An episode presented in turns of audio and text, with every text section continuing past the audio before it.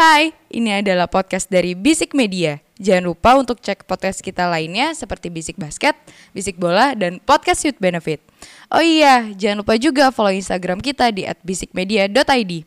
Oke, selamat mendengarkan.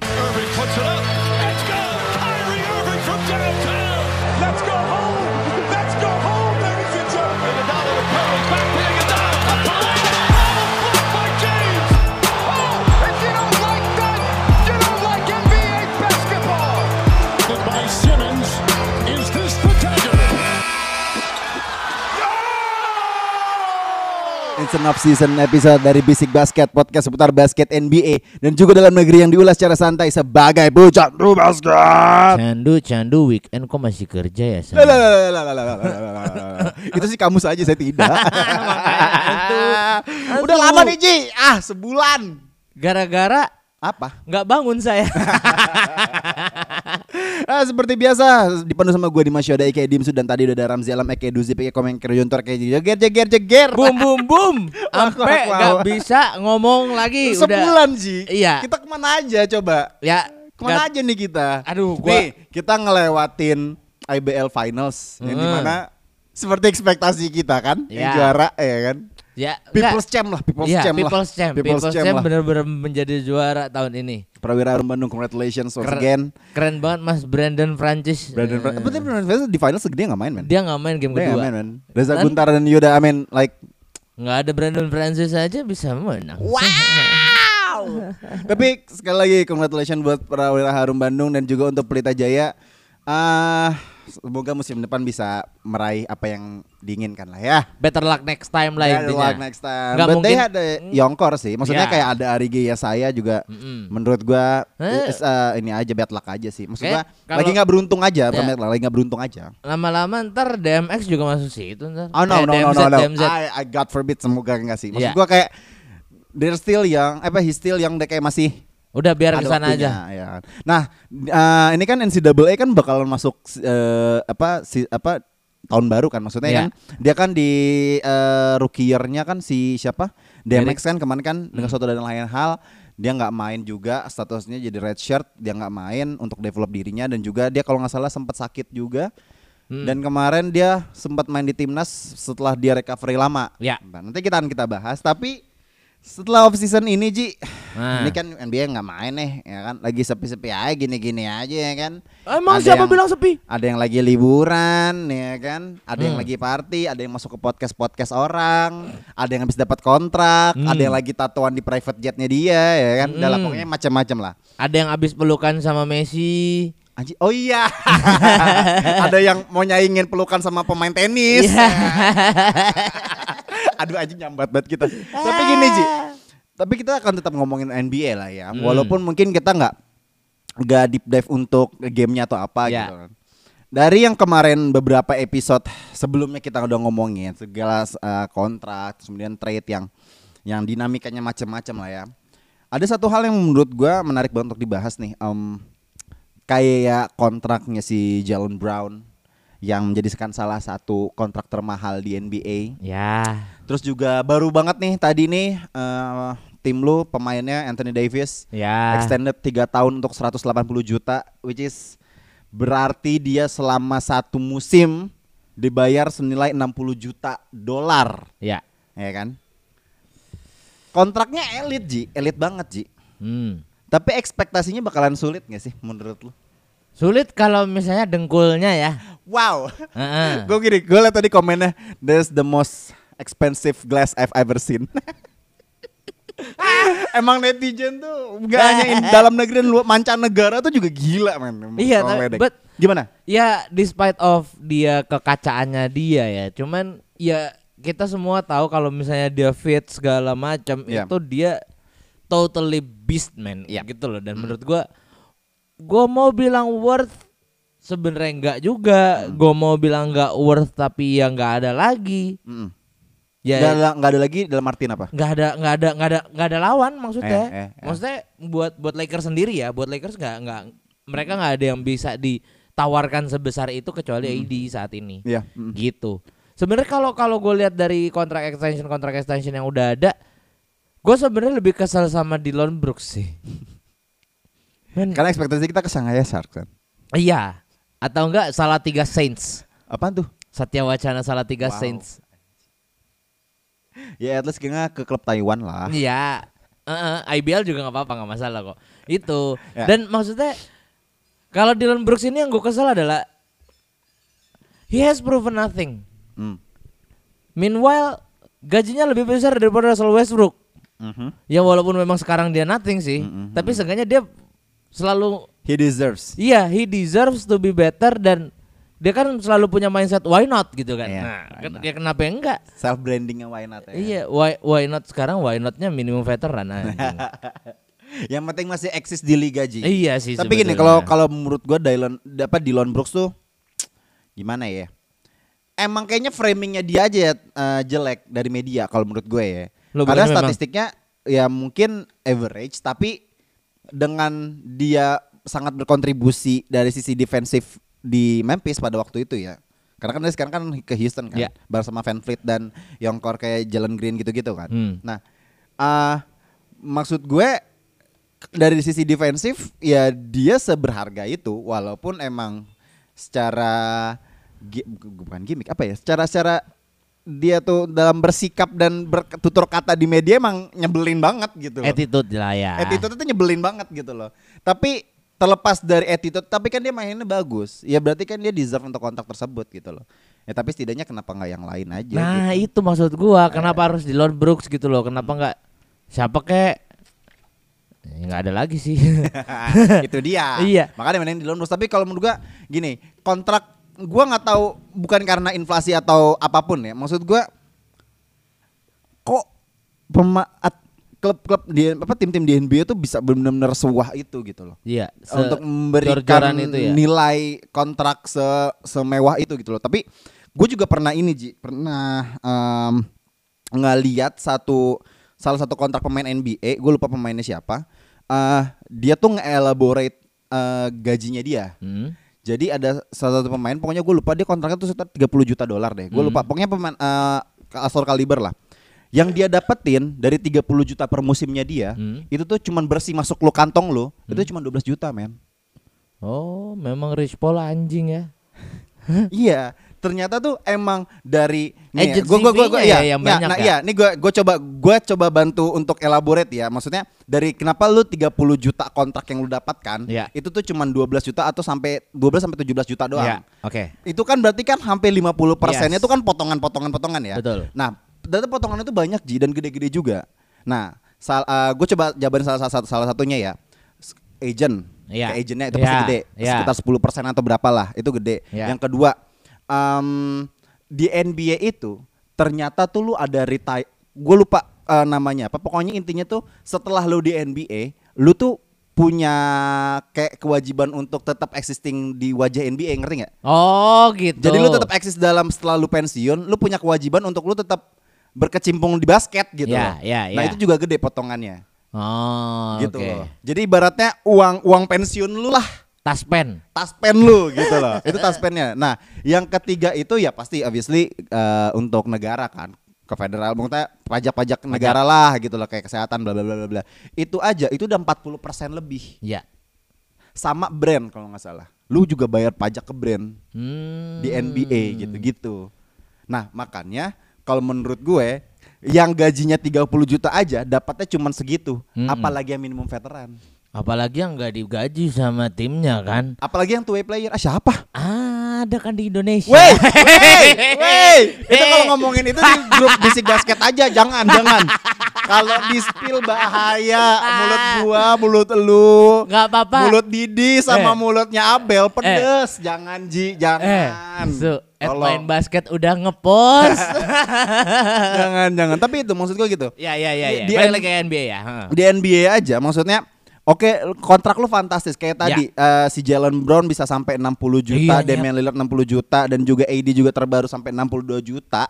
Itu mungkin masuk ke kantongnya dia itu cuman dari 60 juta cuman 30. 40 persennya doang atau 35 persennya doang ya gitu loh. Makanya kekayaan lu di dari gaji aja di NBA sebenarnya untuk average mungkin ya ya average juga gitu loh. Kecuali lu signing sama satu brand aparel apa gitu-gitu atau lu punya uh, bisnis atau apa kayak gitu-gitu sih. Jadi itu ibaratnya ini kan gross income kan ibaratnya yang Iya, yang gross. kita lihat iya. 62 Emang M itu. itu tuh bener-bener kena ah, segitunya men gede Iya. banget, cu. Iya, Ya. menurut gue gitu sih. Nah, tapi ya lu dibayar belasan juta dolar lah misalnya, Hmm. apa puluhan juta dolar gitu loh. Nah, gue tuh uh, concernnya terhadap pemain yang dapat nilai gede kayak Jalen Brown dan KD yang tadi udah lu bilang ya Yeah. itu totally beast gitu walaupun dia kaki kaca gitu Yeah. ya atau stigma apa pun lah yang di luar sana gitu loh. But like kayak Jalen Brown dan tadi juga Dylan Brooks yang lu bilang.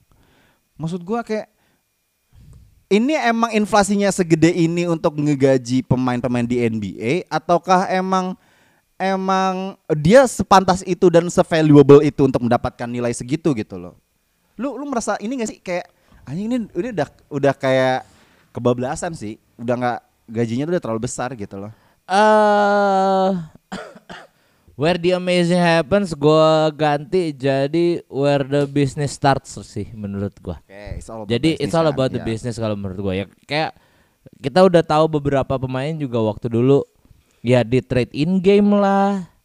Menurut gue itu udah Iya, iya. it's itu udah paling gak etis. Kalau menurut gua kalau misalnya masalah masalah gaji ini kan ya ya kita tahu emang emang potongannya banyak gitu kan. Tapi dan ibaratnya real value-nya juga nggak segitu kan sebenarnya. Iya. Ibaratnya gitu aja. Iya, Kalau iya. dulu kan mungkin bisnisnya kayak agency fee-nya kayak nggak nggak segede itu gitu loh. Ya kalau sekarang mau nggak mau lo harus gede itu gitu kan. Iya. Gitu kalau yang gue lihat. Ya, um, gua, dan gue juga mungkin dari sisi atletnya sendiri ya, Ya. karena gue tahu uh, mungkin mereka merasa bahwa karir gue mungkin di NBA nih paling nggak nyampe umur 30 30 gue juga masih di NBA gitu Ya. loh. Ya syukur-syukur aja gue masih 30 ke atas yang bener-bener seberharga itu dan gue sebagus itu dalam bermain di NBA ya lu masih bisa long lasting gitu loh. Ya. Tapi kalau yang cuma lima kontrak habis itu lu meredup, sering-sering di trade ya kan berarti kan lu cuma sebentar doang di NBA gitu loh. Gua Kan- ngerti juga makanya emang lu eh ini tuh kayak eksodus eksodus pemain Eropa pindah ke Liga Arab aja. Ya, Ya ya benar kan? benar. Ada yang bilang salah satu pemainnya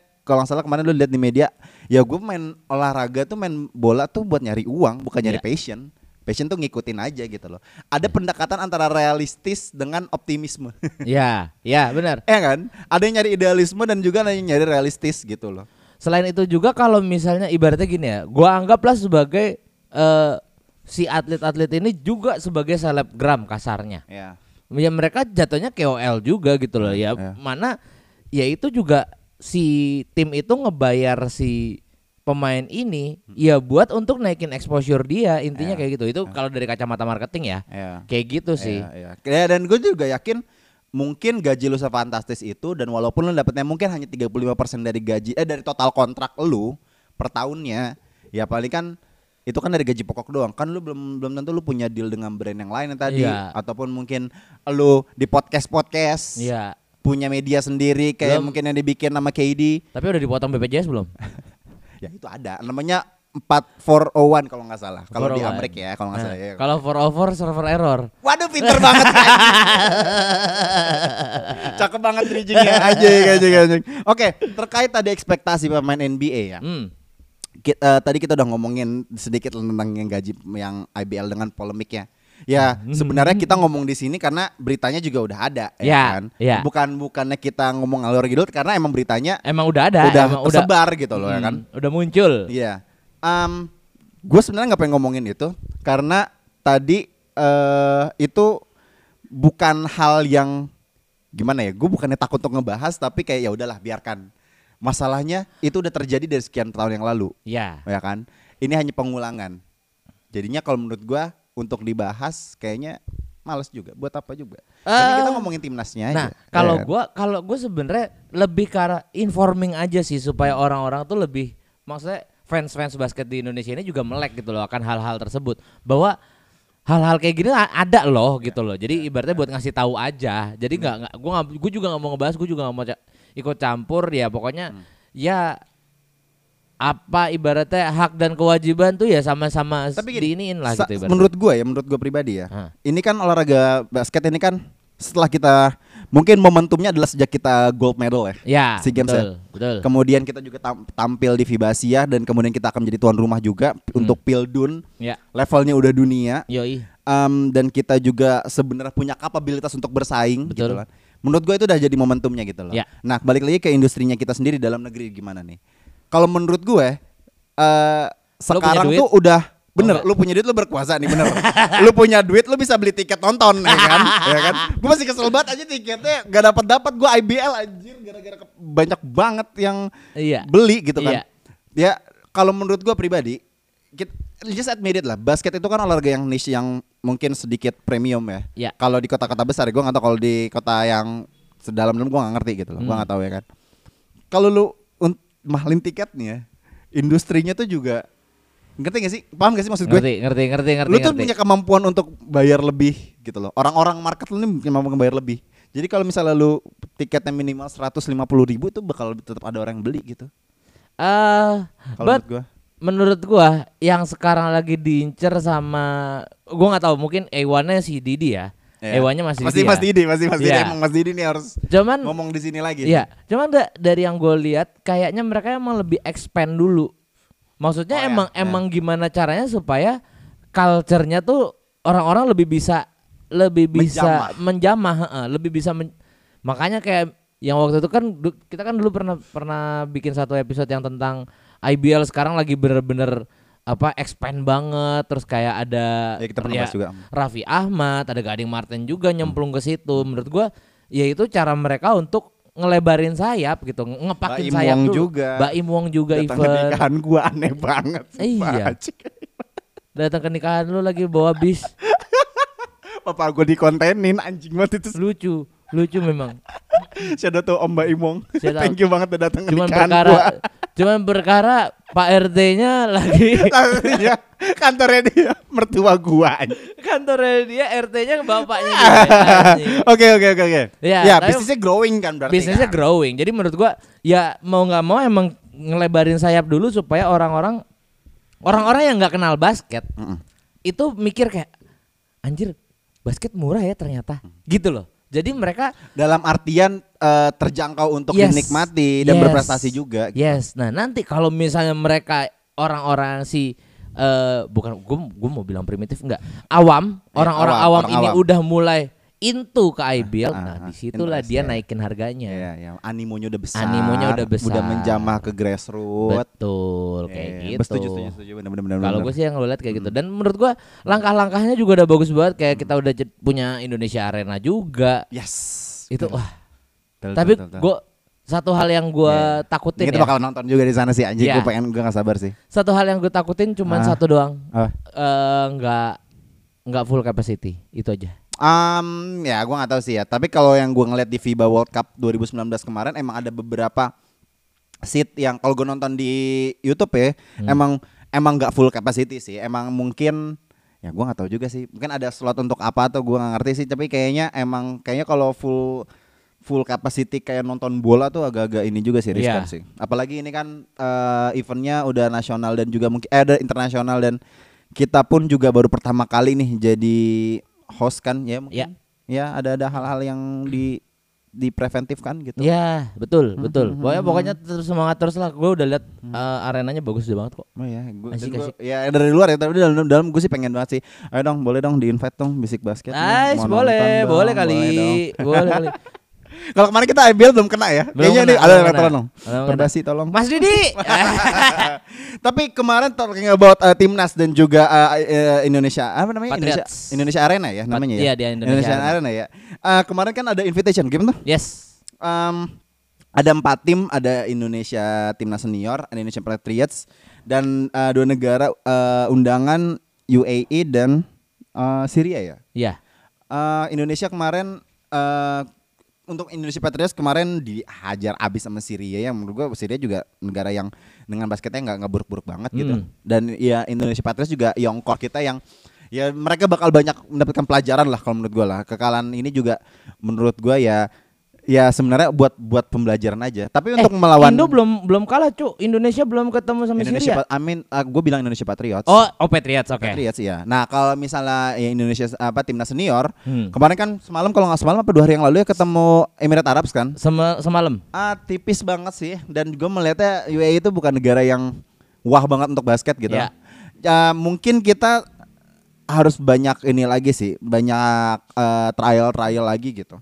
Ya. Tesnya lebih diseringin lagi karena kita komposisinya udah mantep banget nih ada Marcus Bolden juga di center kemudian empatnya kita juga punya DMX dan juga Bane juga main Mm-mm. dan kemudian kita juga ada satu satu pendatang baru uh, kurang paham namanya pronounce Zain Eden Ad- Zain ada Adnan, Ad- Adnan. Adnan ya. Zain Zain Adnan Zain Eden Zid Adnan. Adnan ya Adnan. dan dia juga bagus banget masih muda juga harapan lu nih Zi terhadap ekspektasi para penggiat basket dan juga kita nih para pecandu basket juga gitu loh untuk timnas juga gitu loh. Em, mungkin ini sampel size dikit gitu. Maksudnya kayak ini kan skuadnya banyak peromba banyak peralihan dari yang muda sampai yang dari yang dulu kita ya masih banyak ada ada Prastawa ada yang muda yang tua-tua sekarang kan. Masih ada Arki dulu sekarang udah mulai ada Yuda wajah baru. Ya. terus kemudian juga ada Zain tadi. Kemudian DMX juga udah mulai uh, kembali lagi main gitu loh. Harapan lu gimana Ji? Harapan gue simple aja sih.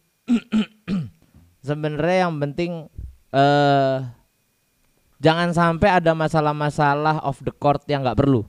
Ah, Karena pemain bernomor punggung 4 itu jadi nggak main kan di sini. Intinya itu. ya ya. Intinya itu.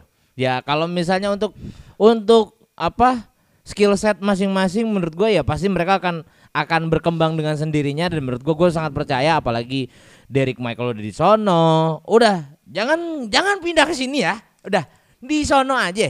Ya. Mungkin kemarin gue juga sempat ngobrol sama Abel kan pas gue kan nonton tuh apa lawan Uni Arab Emirat. Hmm. Gue sempat nonton dan gue bilang apa kita ngelihat Derek tuh nggak nggak seluas waktu di Asia Cup. FIBA Asia ya. FIBA Asia Cup nggak seluas itu. Dan ka- nggak tahu kayak beban apa segala macam mungkin a- atau udah karena udah recover apa udah lama nggak main gara-gara recovery kan. Dan tapi satu hal yang gue lihat adalah badannya lebih lebih stagger gitu loh Iya, ngerti iya, nggak sih? Aha. itu yang itu yang juga gue harapkan ya. Mungkin dia belum terbiasa dengan badannya yang udah agak bulky ya. Cuman ya balik lagi maksudnya dengan otot lu yang lebih besar dan lu kan dulu lebih lean sekarang lebih ototnya lebih besar ya lu harus harus apa kombinasi lah. Maksudnya bener-bener pinter-pinter ngerangkai skill set lu gitu loh. karena nggak akan mungkin lu bisa se se seluas zaman dulu gitu loh. itu kalau dari siapa? Derek Michael. Gue salut juga sama Anthony Bean sih. Ah, windmill lu udah liat lu Iya. windmill ai so clean Tahu ya walaupun walaupun gua kalau misalnya kalau misalnya lu main kayak gitu ketemu tim USA atau ketemu tim Oh iya, tim-tim terlalu ini jauh, enggak jauh, maksud gua di itu kan udah 20 detik terakhir ya dan lu udah lead 4 poin which means nggak mungkin eh lu udah leading 5 poin which is nggak mungkin dikejar lagi dan lu melakukan hal hal kayak gitu tuh menurut gua it's quite apa ya te, bukan tem apa eh nge-trigger emosi lawan gitu loh kayak gitu sebenarnya. Ya mungkin karena animo masyarakat juga karena kita main di home court juga gitu gue mikirnya. Tapi ya maksudnya ya it's a show dulu sih menurut gua. Buat Indonesia sekarang dan jadi berarti despite of level of sportivity-nya gitu loh. Kalau misalnya di, di basket kan kalau misalnya udah udah sisa 20 detik lu udah sisa 5 apa beda 5 poin kan ya udah lu pasti bakal bakal dibawa aja kan nggak nggak nggak akan bikin poin gitu loh tapi ya mungkin itu nantilah mal- masalah etisnya etis nggak etisnya cuman ya balik lagi buat masing-masing semuanya Yuda juga gue udah ngeliat makin berani Ya. makin asik So so damn good right now. yes terus juga Dia tuh Yuda tuh benar-benar kelihatan developingnya tuh benar-benar tak tak tak tak tak tak tak. gitu iya loh. iya gue nggak bisa bilang pelan ya mungkin agak masif tapi pasti juga gitu loh Iya, ngerti gak sih dia beraninya bagus Pesat banget banget perkembangannya udah pesat out, banget bro. terus juga ya Wato dan Marcus Bolden juga gue masih masih berharap sama dia juga sih At the sama, same level lah. Ya. At, the- at the same level. ya sama sebenarnya kalau dari Patriots gue berharap si Dame si Dame Nah, harus Damai. Dame Diaknya harus harus bisa Dan dia masih 18 juga jadi kayak ya ya a long long journey lah ahead Ah, gitu loh. mm, Tapi menurut gua eh timnas Indonesia's future is in good hands intinya. At least for the next 5 or 10 years ya kita Bahkan ada 10 menurut harapan. At Bahkan least 10. dijaga aja sih. Bahkan ibaratnya kemarin tuh ya saya ya belum ada. Hmm, Gitu kan baru Arigi doang kan. Ya saya belum ada, terus juga kayak misalnya Agasi, Agasi ada ya?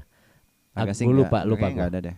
Ya pokoknya masih banyak eh, talenta-talenta muda lain juga yang Ya. masih Mhm. yang masih worth gitu loh untuk bisa dan Agir juga belum terlihat potensi yang maksudnya belum benar masih ada waktu untuk nge-develop juga Iya. kan. dan yang gue suka ada Reza Guntara sih kemarin wah Reza Guntara. ih Nih orang tiba-tiba sebenarnya gue udah tahu dia dari dari college kan. Dari Gue udah tahu ah. nih dari Reza Guntara nih.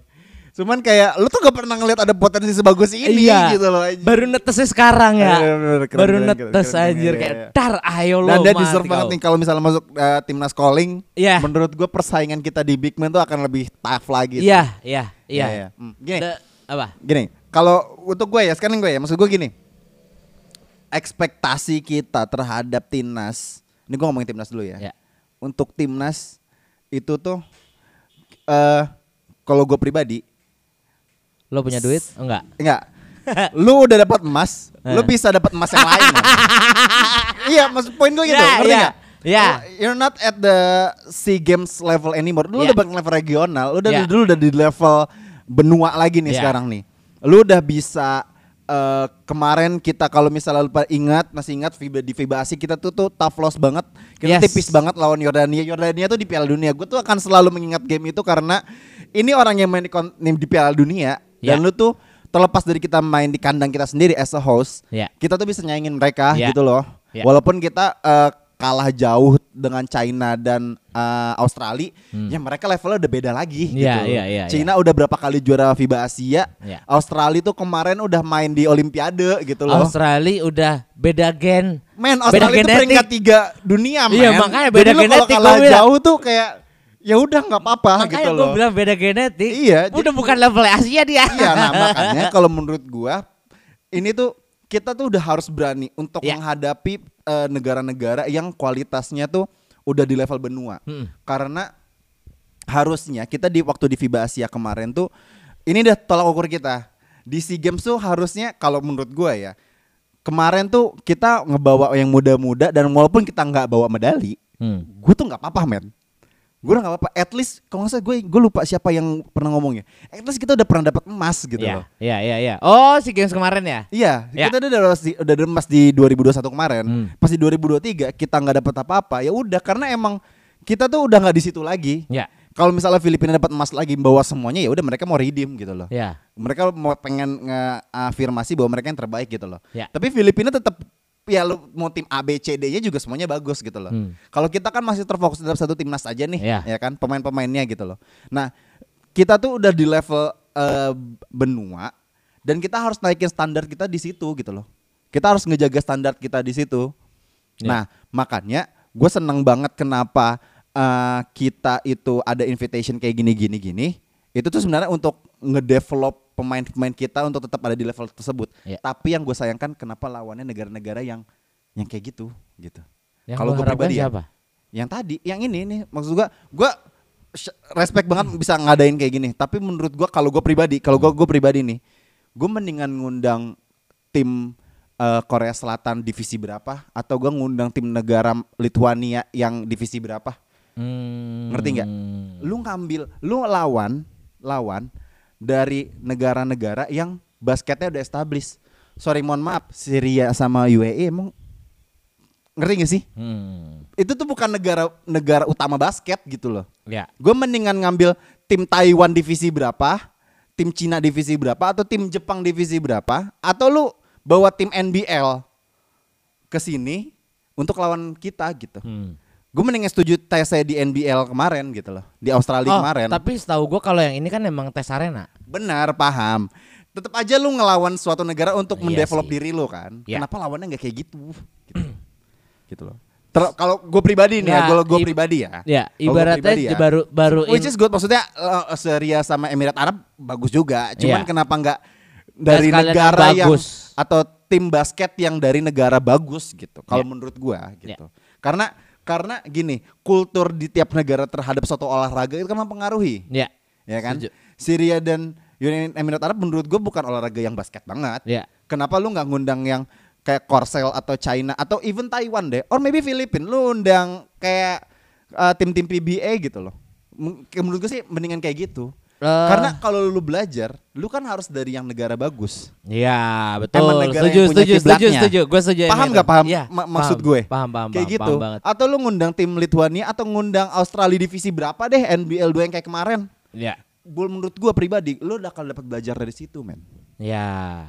Kayak gitu. Tapi balik Makes lagi ini makes mungkin invitational yang tadi lo bilang ini cuma tes arena doang kan. Iya. Tapi menurut gua kenapa nggak ngundang Sekalian. gitu aja Kenapa gitu. nggak sekalian untuk Walaupun mungkin divisi yang berapa-berapa juga mereka main biasanya bagus gitu.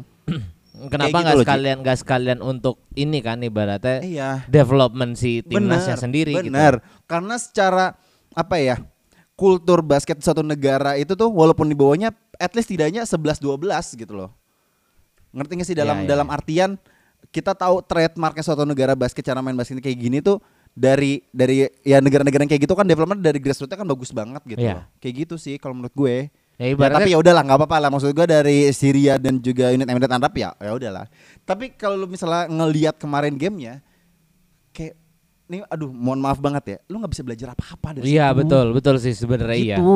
Sebenarnya iya. Kayak gitu. Nggak- Makanya game pemain kita tuh kemarin kayak kemarin kita, kita sempat lawan Emirat Arab kan beda-beda tipis kan. Hmm. J- lu nggak akan dapat apa pun gitu. Nggak ada nggak ada yang dikejar Nggak gitu ada yang loh. kejar. Kalau misalnya kayak ngadepin tim ke Korean Basketball League satu tim ataupun ngundang tim PB atau tim NBL, lu Hmm. bakal belajar banyak. Iya betul. Karena emang mereka bagus banget secara liganya dan juga kultur basketnya. Ya. Setuju, Poin gue itu. Setuju, setuju, setuju. Ini ini pan opini subjektif seperti biasa ya, opini subjektif gue aja ya gitu loh. sangat disayangkan tapi ya bagus. Ya tapi nggak apa-apa juga, nggak apa-apa juga. Tapi kalau bisa ke depan mendingan kayak gitu arahnya gitu. Hmm. Kalau gue mendingan tesek lagi ke Australia sih. Ya. Kayak betul. gitu sih. Ya Nggak- tapi mungkin goalsnya tadi mungkin gue misalnya goalsnya tadi mungkin karena ya ini mau tes arena. Kita mau menyambut Piala Dunia kan. Hmm. Ya ya it's okay lah nggak apa-apa lah. Iya. But nanti kalau misalnya selanjutnya karena level kita tuh udah gue bukan mengagung-agungkan timnas basket yang sekarang udah di level ini ya tapi lu jangan sampai turun lagi gitu loh. Keep your maintaining your level at udah level rank Iya. Asia gitu. Setuju, setuju, setuju. Kayak harus gitu harus harus gitu. dibalikin lagi ke levelnya ke sepatutnya gitu loh. Sepatutnya gitu Sepatutnya loh. dan seharusnya. Iya dan nah, um, um, uh, timnas ya ya intinya intinya ini seperti itu. Nah tapi kalau untuk Patriotsnya sendiri yang kemarin gua share salah satu akun portal basket ternama Hmm. ngomong Patriots, gue tuh sampai nggak nggak nggak habis pikir kenapa gitu loh. Iya. Nggak pula gitu loh. Ya mungkin dia punya opini pribadi sendiri gitu kan. Ya, sudah lah ya. Ya sudah lah gitu loh. Tapi gue buat pribadi mungkin ada hal yang apa ya bisa di-adjust lagi dari Indonesia Patriots nih kayak gimana gitu loh. Iya. Ngerti nggak? Gue, gue maksud gue, eh bagus emang program mungkin as- dari sisi development, tapi gue gue masih nggak eh, melihat bahwa Patriots eh, udah udah ada Indonesia Patriots itu udah ajek gitu loh. Iya, iya. Udah udah Benar, benar. establish. Benar. Dalam artian kayak ini program yang bener dalam eh, apa ya? Emang seharusnya seperti ini Ya. untuk kondisi saat ini. Ibaratnya gitu gini, ini langkah yang tepat tapi masih belum maksimal. Iya, gitu. tepat. Tapi kayaknya harus ada perubahan lagi. Iya, Maksudnya iya, iya, harus iya. ada adjustment lagi Iya. gitu. Kayak Iya. gitu-gitu loh. Karena kan gue nggak paham nih maksudnya tiba-tiba ada Indonesia Patriots yang sebelumnya main terus habis itu pindah lagi ke tim-tim tim mana gitu-gitu kan. Hmm. Yang muda-mudanya itu kan. Terus dia masuk senior ya. Mungkin langkah untuk masuk ke timnas senior ya. kan? Iya. Tapi kan buat gue pribadi daripada Jatuhnya- lu main di IBL mending lu develop untuk tesnya ke luar negeri gitu. Ah. Dan biarkan mereka bermain untuk mulai semi pro. Ya, gue nggak tahu sih. Ah. Karena goalsnya gue masih belum lihat goalsnya. Kalau dari sisi untuk mencari yongkor oke. Mungkin itu keresahannya kali ya dari Iya. si portal itu ya. Gue gue gue nggak paham gitu loh. bingung sih sebenarnya kalau kalau misalnya kalau misalnya ngomong Indonesia Patriots karena gue masih melihat di sisi yang ini positif banget cuman gue melihat makin ke sini kok kayak nggak nggak nggak nggak nyatu gitu ibaratnya Iya, goals goalsnya tujuannya bagus tapi goalsnya Nggak ada. misinya apa? iya Gitu loh. Bagus maksudnya ya ya lu bisa lu bisa melihat talenta-talenta muda eh, bisa merasakan atmosfer profesional seperti apa. But what's next sih apa gitu. Iya.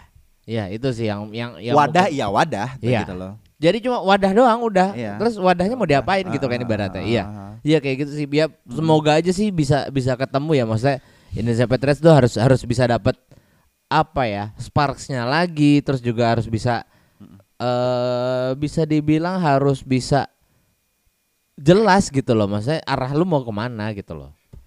Salah satu hal menurut gua nih ya Zi, Hmm. eh, ini bukan bu- bu- bukan solusi sih, tapi ini pandangan gua aja. Kalau liga bukan liga, em, jenjangnya itu udah makin establis karena kan sekarang kan kita kan dari dari sekolah kemudian ada di lima lima pun juga eh, mungkin cuman hanya hanya ka- ka- kampus-kampus tertentu yang yang benar-benar terlihat kemudian masuk ke semi pro eh ma- kemudian masuk ke pro ya kan? Via via IBL draft gitu-gitu kan. Ya. kalau itunya lebih dimantepin lagi seharusnya kita nggak perlu ada Indonesia Patriots Harusnya ya. harusnya kita nggak ada oke kalau di kalau di sisi sekolah kita udah punya deteksi basketball league DBL itu kan udah bagus banget tuh. Itu udah well maintained banget. Kemudian masuk jenjang kelima ini diambil dengan tim-tim bagus udah di lima kan udah ada wadahnya nih. IBL dan lima juga udah bekerja sama kan tapi lebih di expand lagi di well established the sisi rules dari apa pun anything kita udah nggak perlu Indonesia Patriots man Eh, mungkin gini kak, ya gue gue baru baru nemu kayak pemikirannya ya. Eh mungkin adalah eh Indonesia Patriots itu dibangun untuk menambah, untuk memberikan jam terbang, terus jadi basketball IQ-nya berkembang, itu tuh nggak ya oke oke enggak kayak ah, gitu. Yang yang gue lihat ya, yang gue lihat kayak gitu. Hmm. Namun nyatanya kayaknya masing-masing mesti sama ya cuma gitu loh itu ibaratnya. perlu. Kalau kita blueprint kita udah bagus dari sisi berjenjang dari sekolah Iya. college sampai ke profesional. Itu tuh nggak perlu. Lu tinggal ya akan muncul talenta talenta muda seperti Reza Guntara dan Yuda Saputra aja. Iya betul. gitu gitu loh. Ngerti nggak? Lebih di expand lagi lebih di well established lagi jenjangnya profesional seperti apa. Kalau sekarang kan masih kayak apa ya bukan bukan bukan acak adut atau apa tapi banyak banyak kayak lubang-lubang kecil yang yang harusnya bisa kita tutup gitu loh. Lubang-lubang yang yang oh harusnya itu berbaikin di sini sini sini sini sini gitu gitu Iya. itu kalau misal udah udah esta- udah diperbaiki dan udah mulai establish secara waktu long long time apa span waktu yang sangat besar menurut gua Indonesia Patriots tuh nggak perlu deh. Kita tinggal nemu ambil ambil potensi potensi mudanya aja. Betul. Setuju. kayak gitu. Dan Indonesia Patriots tuh nggak nggak perlu ada lagi fokusnya udah di timnasnya aja gitu. Jadi Indo- Indonesia Patriots itu jadi kayak si ya TC-nya aja namanya Indonesia Patriots gitu kan. Jadi tapi dia nggak usah sampai Tapi masuk ke liga. masuk IBL Ah. itu dia menurut gua tetap ada TC-nya udah ada gitu Malah jatuhnya kayak eh draftnya ke IBL draft ngerti nggak? itu nih makanya semuanya itu menjadi rancu Iya. Iya kan? Yang Indonesia Patriots bisa antar mungkin ke mana-mana mana-mana gitu loh. Kayak gitu sih. Tapi ya ini subjektif kita yang mungkin kita pandangan awam gitu. Iya, Ya iya. kalau misalnya para pendengar bisik basket yang punya pandangan enggak bang kayaknya misalnya Indonesia Patriots itu harus kayak gini gini gini itu tuh udah gini gini yang ya bisa kasih dari komen aja ya. Ya, betul. Gitu sih. Oke. Dan pokoknya kita selalu selalu dukung terus Perbasi untuk memajukan basket Indonesia lah Betul, intinya. Betul, betul. Oke, FIBA World Cup G grup, tolong let's go. Kita akan ngebahas grup apa nih? E dan F ya. E dan F. Kita kejar tayang nih, udah Kita sebulan skip. Emang Padahal gue bilang, oh enggak lah masih lama lah, santai lah, belum mulai. Dia akan habis sebelum waktunya kok. Eh satu bulan nggak ngetek, skip. Oke, grup E, World Cup. Tuh, udah tuh. Grup E FIFA World Cup, bukan lah. FIBA. Ah ya, FIFA World Cup. Itu. Ah, kenapa FIFA sih? Nah, iya, salah lu typo typo FIBA. Cepret. Nah. Aduh, nggak ada, coy. Belum, belum, belum, belum, belum. Ya, bentar, bentar, guys. FI. Udah FIBA World Cup aja. Coba. Nah, tuh, tuh, tuh, ada tuh. Nah.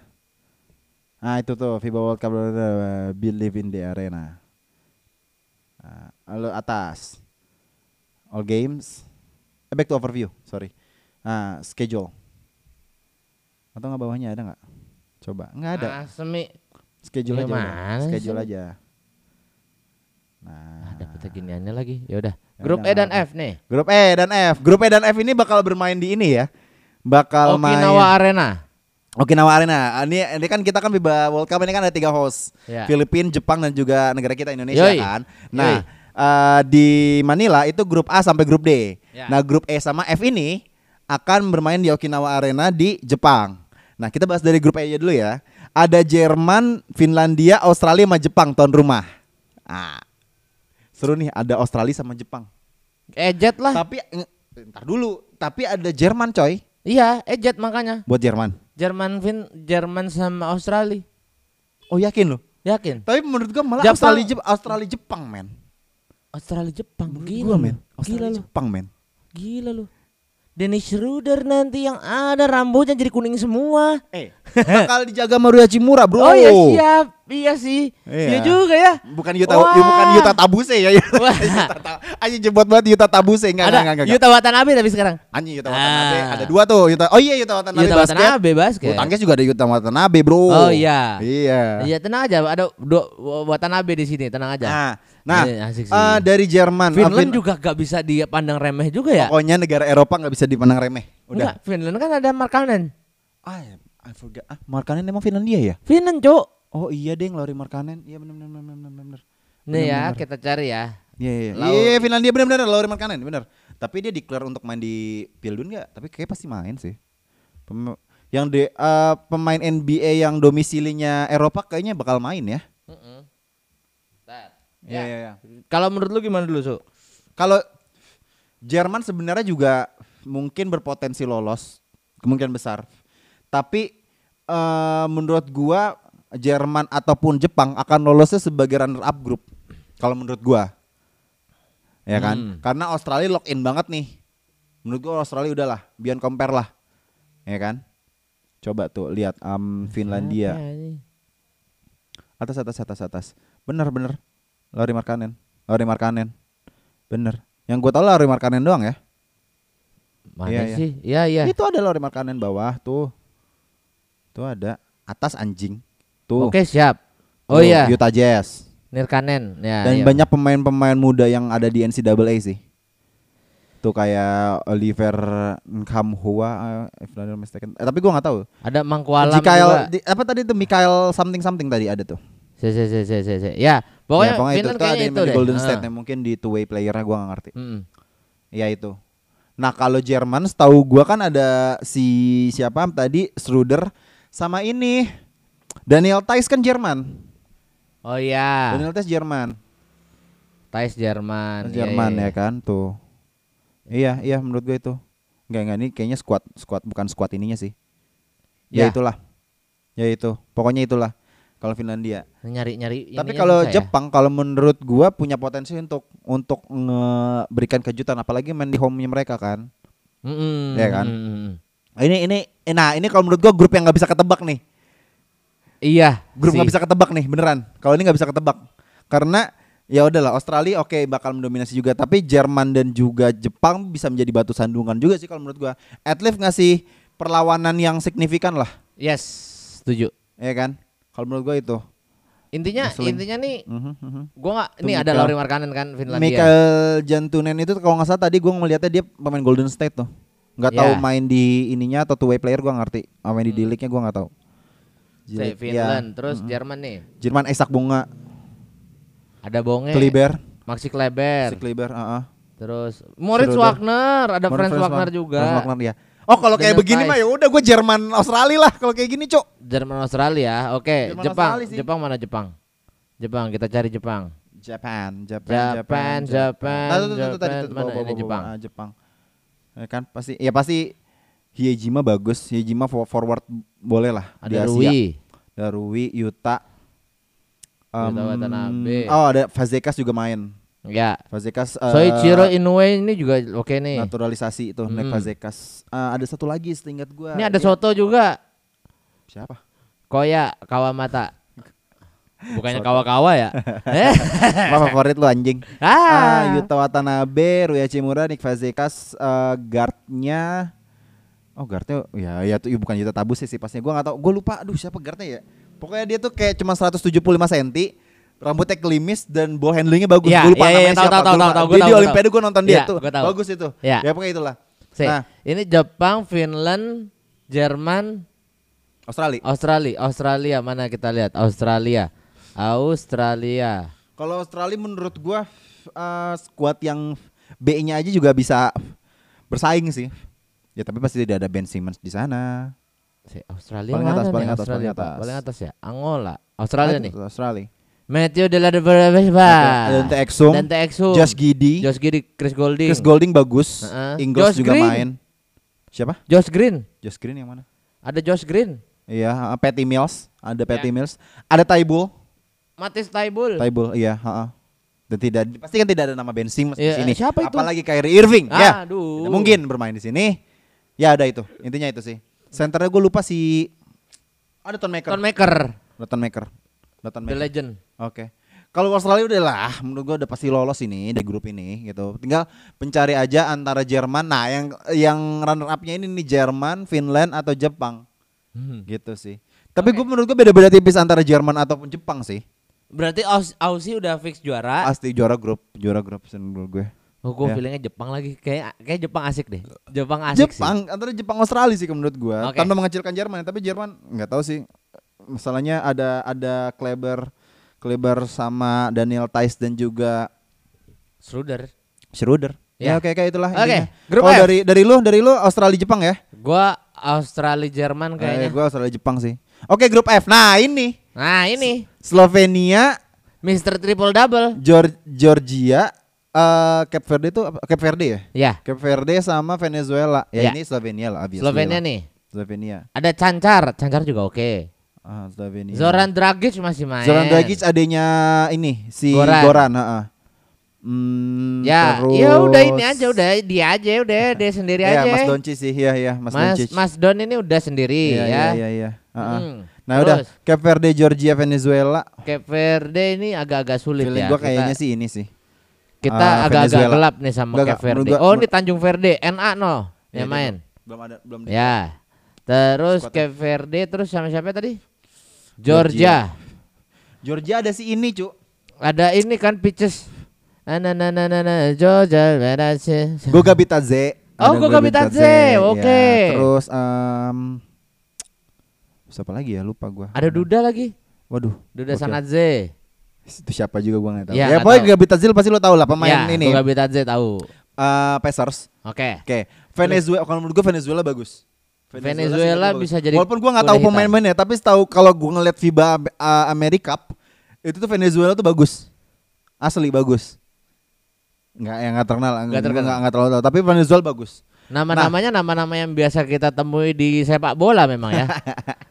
Jose Meteran, Gabriel Soho gitu kan. Rasis lu anjing. Lah. Miguel, Miguel Miguel Ruiz. Miguel Ruiz ya kan. Nggak, tapi kalau menurut gua yang akan menem ya udahlah Slovenia pasti bakal lolos lah ya kan Ya, untuk ya. second roundnya ya kan. Tapi antara tadi Cape Verde, Georgia dan juga Venezuela, menurut gue yang akan berpotensi besar Venezuela. Ya, gue Either juga. Venezuela atau Georgia lah. Ya. Kalau Cape Verde gue belum terlalu ngelihat, tapi kalau menurut gue Venezuela berpotensi besar sih. Kalau Oke. bagi gue ya. Oke. Nih kalau misalnya kita mau langsungin aja kali ya. Biar nggak ada PR lagi ya daripada Boleh, langsung yang di Indonesia ya langsung Yang di Indonesia langsung ya. Di grup G sama dari grup G dulu deh. Ya, ada Iran, Pantai Gading, Brazil Spanyol. dan juga Spanyol. Spanyol, Kalau menurut gua Spanyol Spanyol inilah. Spanyol. Siapa lagi? Spanyol Brazil Brazil, sih. sih feeling gua. Brazil. Sih, Brazil tuh ada siapa sih? Iran, Iran pasti gua tambahkan pasti ada ini, ada si siapa senternya? El Hadadi. Hamed El Hadadi. Hamel Ada. Hadadi ya kan? Hadadi pasti ada. Terus eh, guard itu si biasanya si Arsalan Kazemi. Hah? Mas Yaiki jadi main 2 atau main 3 combo Ya. guard eh apa jadi two way player. Terus ada Nikel Bahrami gak ada ya? Wah, ini kok kayaknya nggak ada nggak ada Beneran luarnya nggak ada ya? ya? Oh, emang gak ada, emang gak ada. Iran tuh selalu pem- pemain lokal. Mas Syahrian, Fadihi, Ajapur, akhirnya. Ya. Nika Bahrami gak ada, Cok. Oke. Oke, oke, oke. Saya- Ya guardnya biasanya tuh si Kazemi sama si eh, Mas Yaiki tuh bagus. Ya. Ya itu pasti pasti tetap Ahmad El Hadadi sih pasti sih. Oke. Ya ya ya ya ya ya ya. Kita Ah, ke Brazil. Terus ke Brazil. jangan ke ini dulu aja. eh, Pantai Gading. Ada Neto, Cuk. Brazil. Brazil ya pasti. Oh, Huertas. Marcelo Huertas ya udah jadul banget lah itulah. Raul Neto. Neto Rol Neto bagus.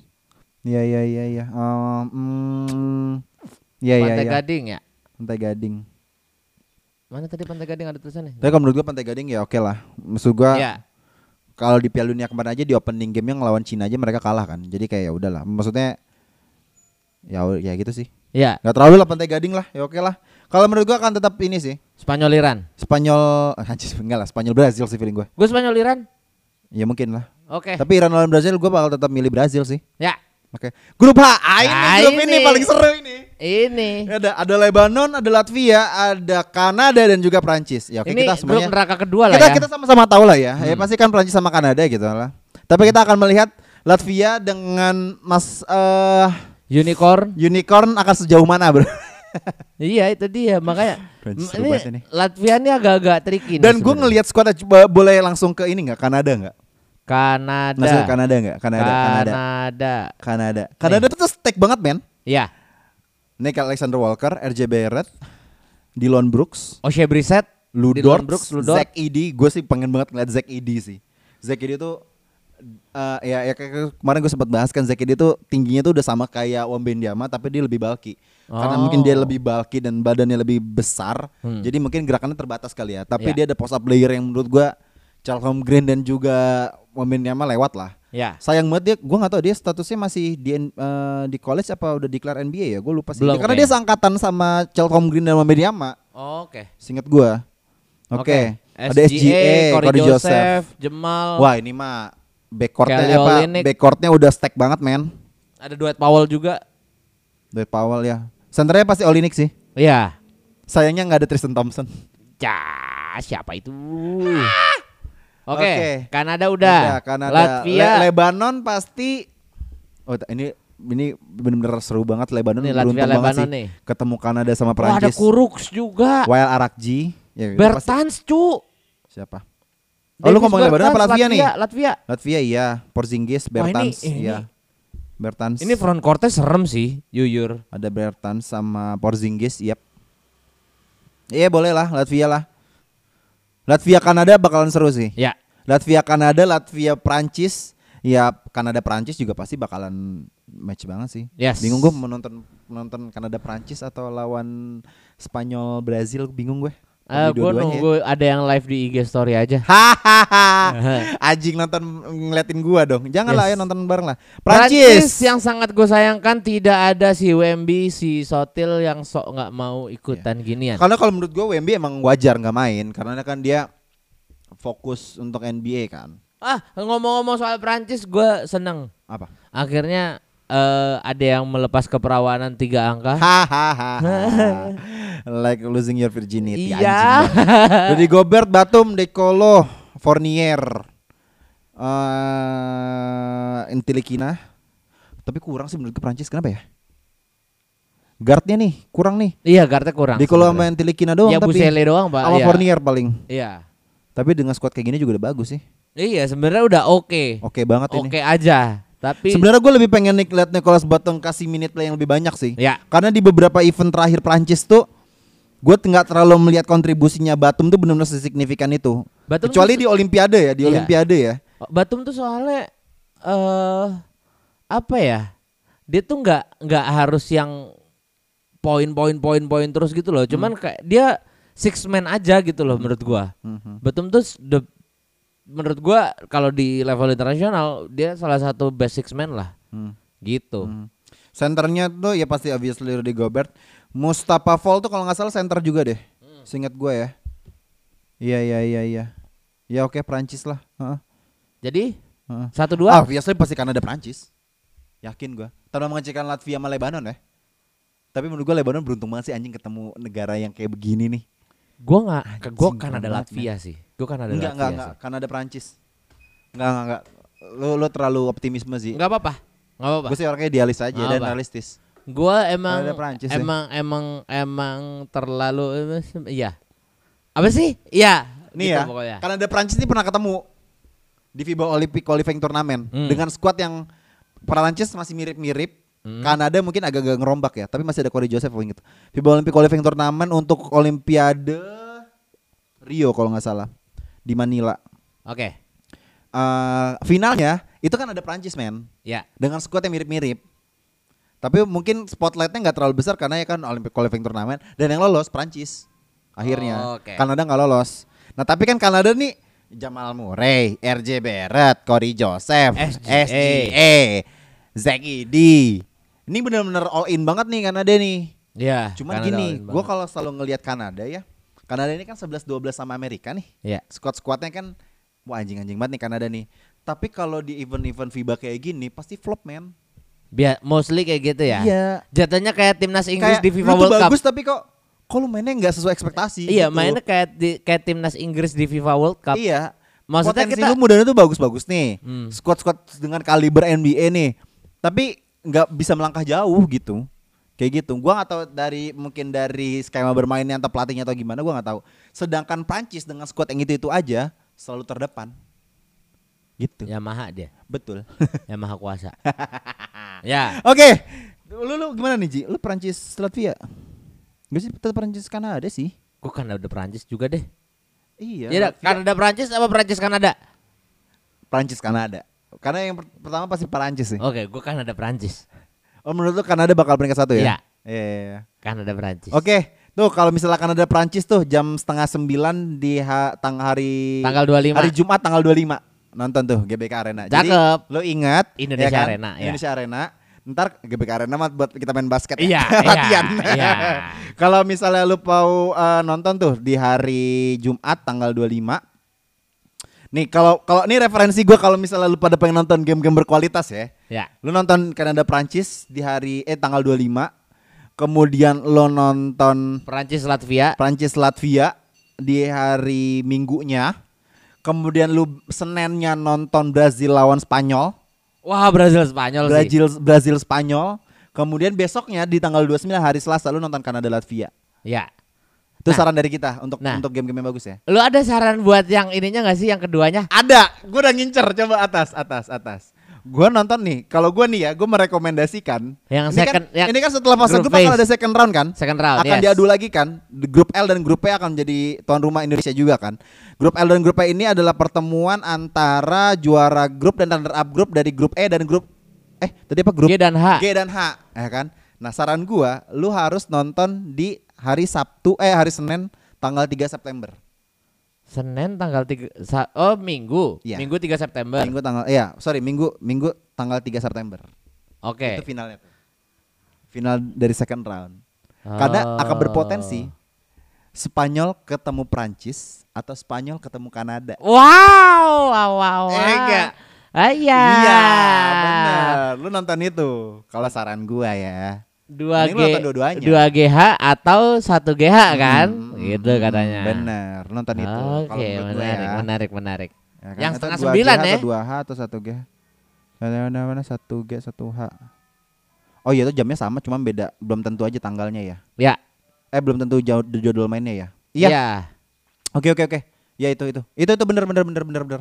Karena karena kalau menurut gua sesuai bagian gue ya, kalau nggak lu ketemu Kanada, ada empat nih kan ada empat ini. Hmm. Kalau potensi gue di grup L ini juara grup sama runner up grup G sama H, itu kan pasti ada Kanada, ada Spanyol, ada Prancis dan juga ada Brazil. Itu dua-duanya lu tonton itu seru-seru semua. Iya. Eh enggak sih? Nggak- Atau nggak enggak- mungkin- nggak atau mungkin. enggak lu yang hari Kamis deh lu tonton deh. Hari Kamis tang eh hari sorry hari Jumat tanggal 1 tuh juga bagus. Oh iya, Jumat 1 Itu atau enggak bagus. Minggu Minggu 3 Minggu September. tiga. Heeh. Itu Nah, saran itu- gua. itu- Kalau itu seru-seru semua. tiket Kanada Prancis ya. Ya. Saran gua itu. Dah. Oke, sekian Wah. aja bisik gosip kali ini. Gue Ya. mau booking tiket eh, FIBA World Cup dulu nih. Gue masih mau kerja lagi. Asuh. Oke, sekian episode bisik basket kali ini. Gue Dimsu. Gue Ramzi. Signing out. Bye bye.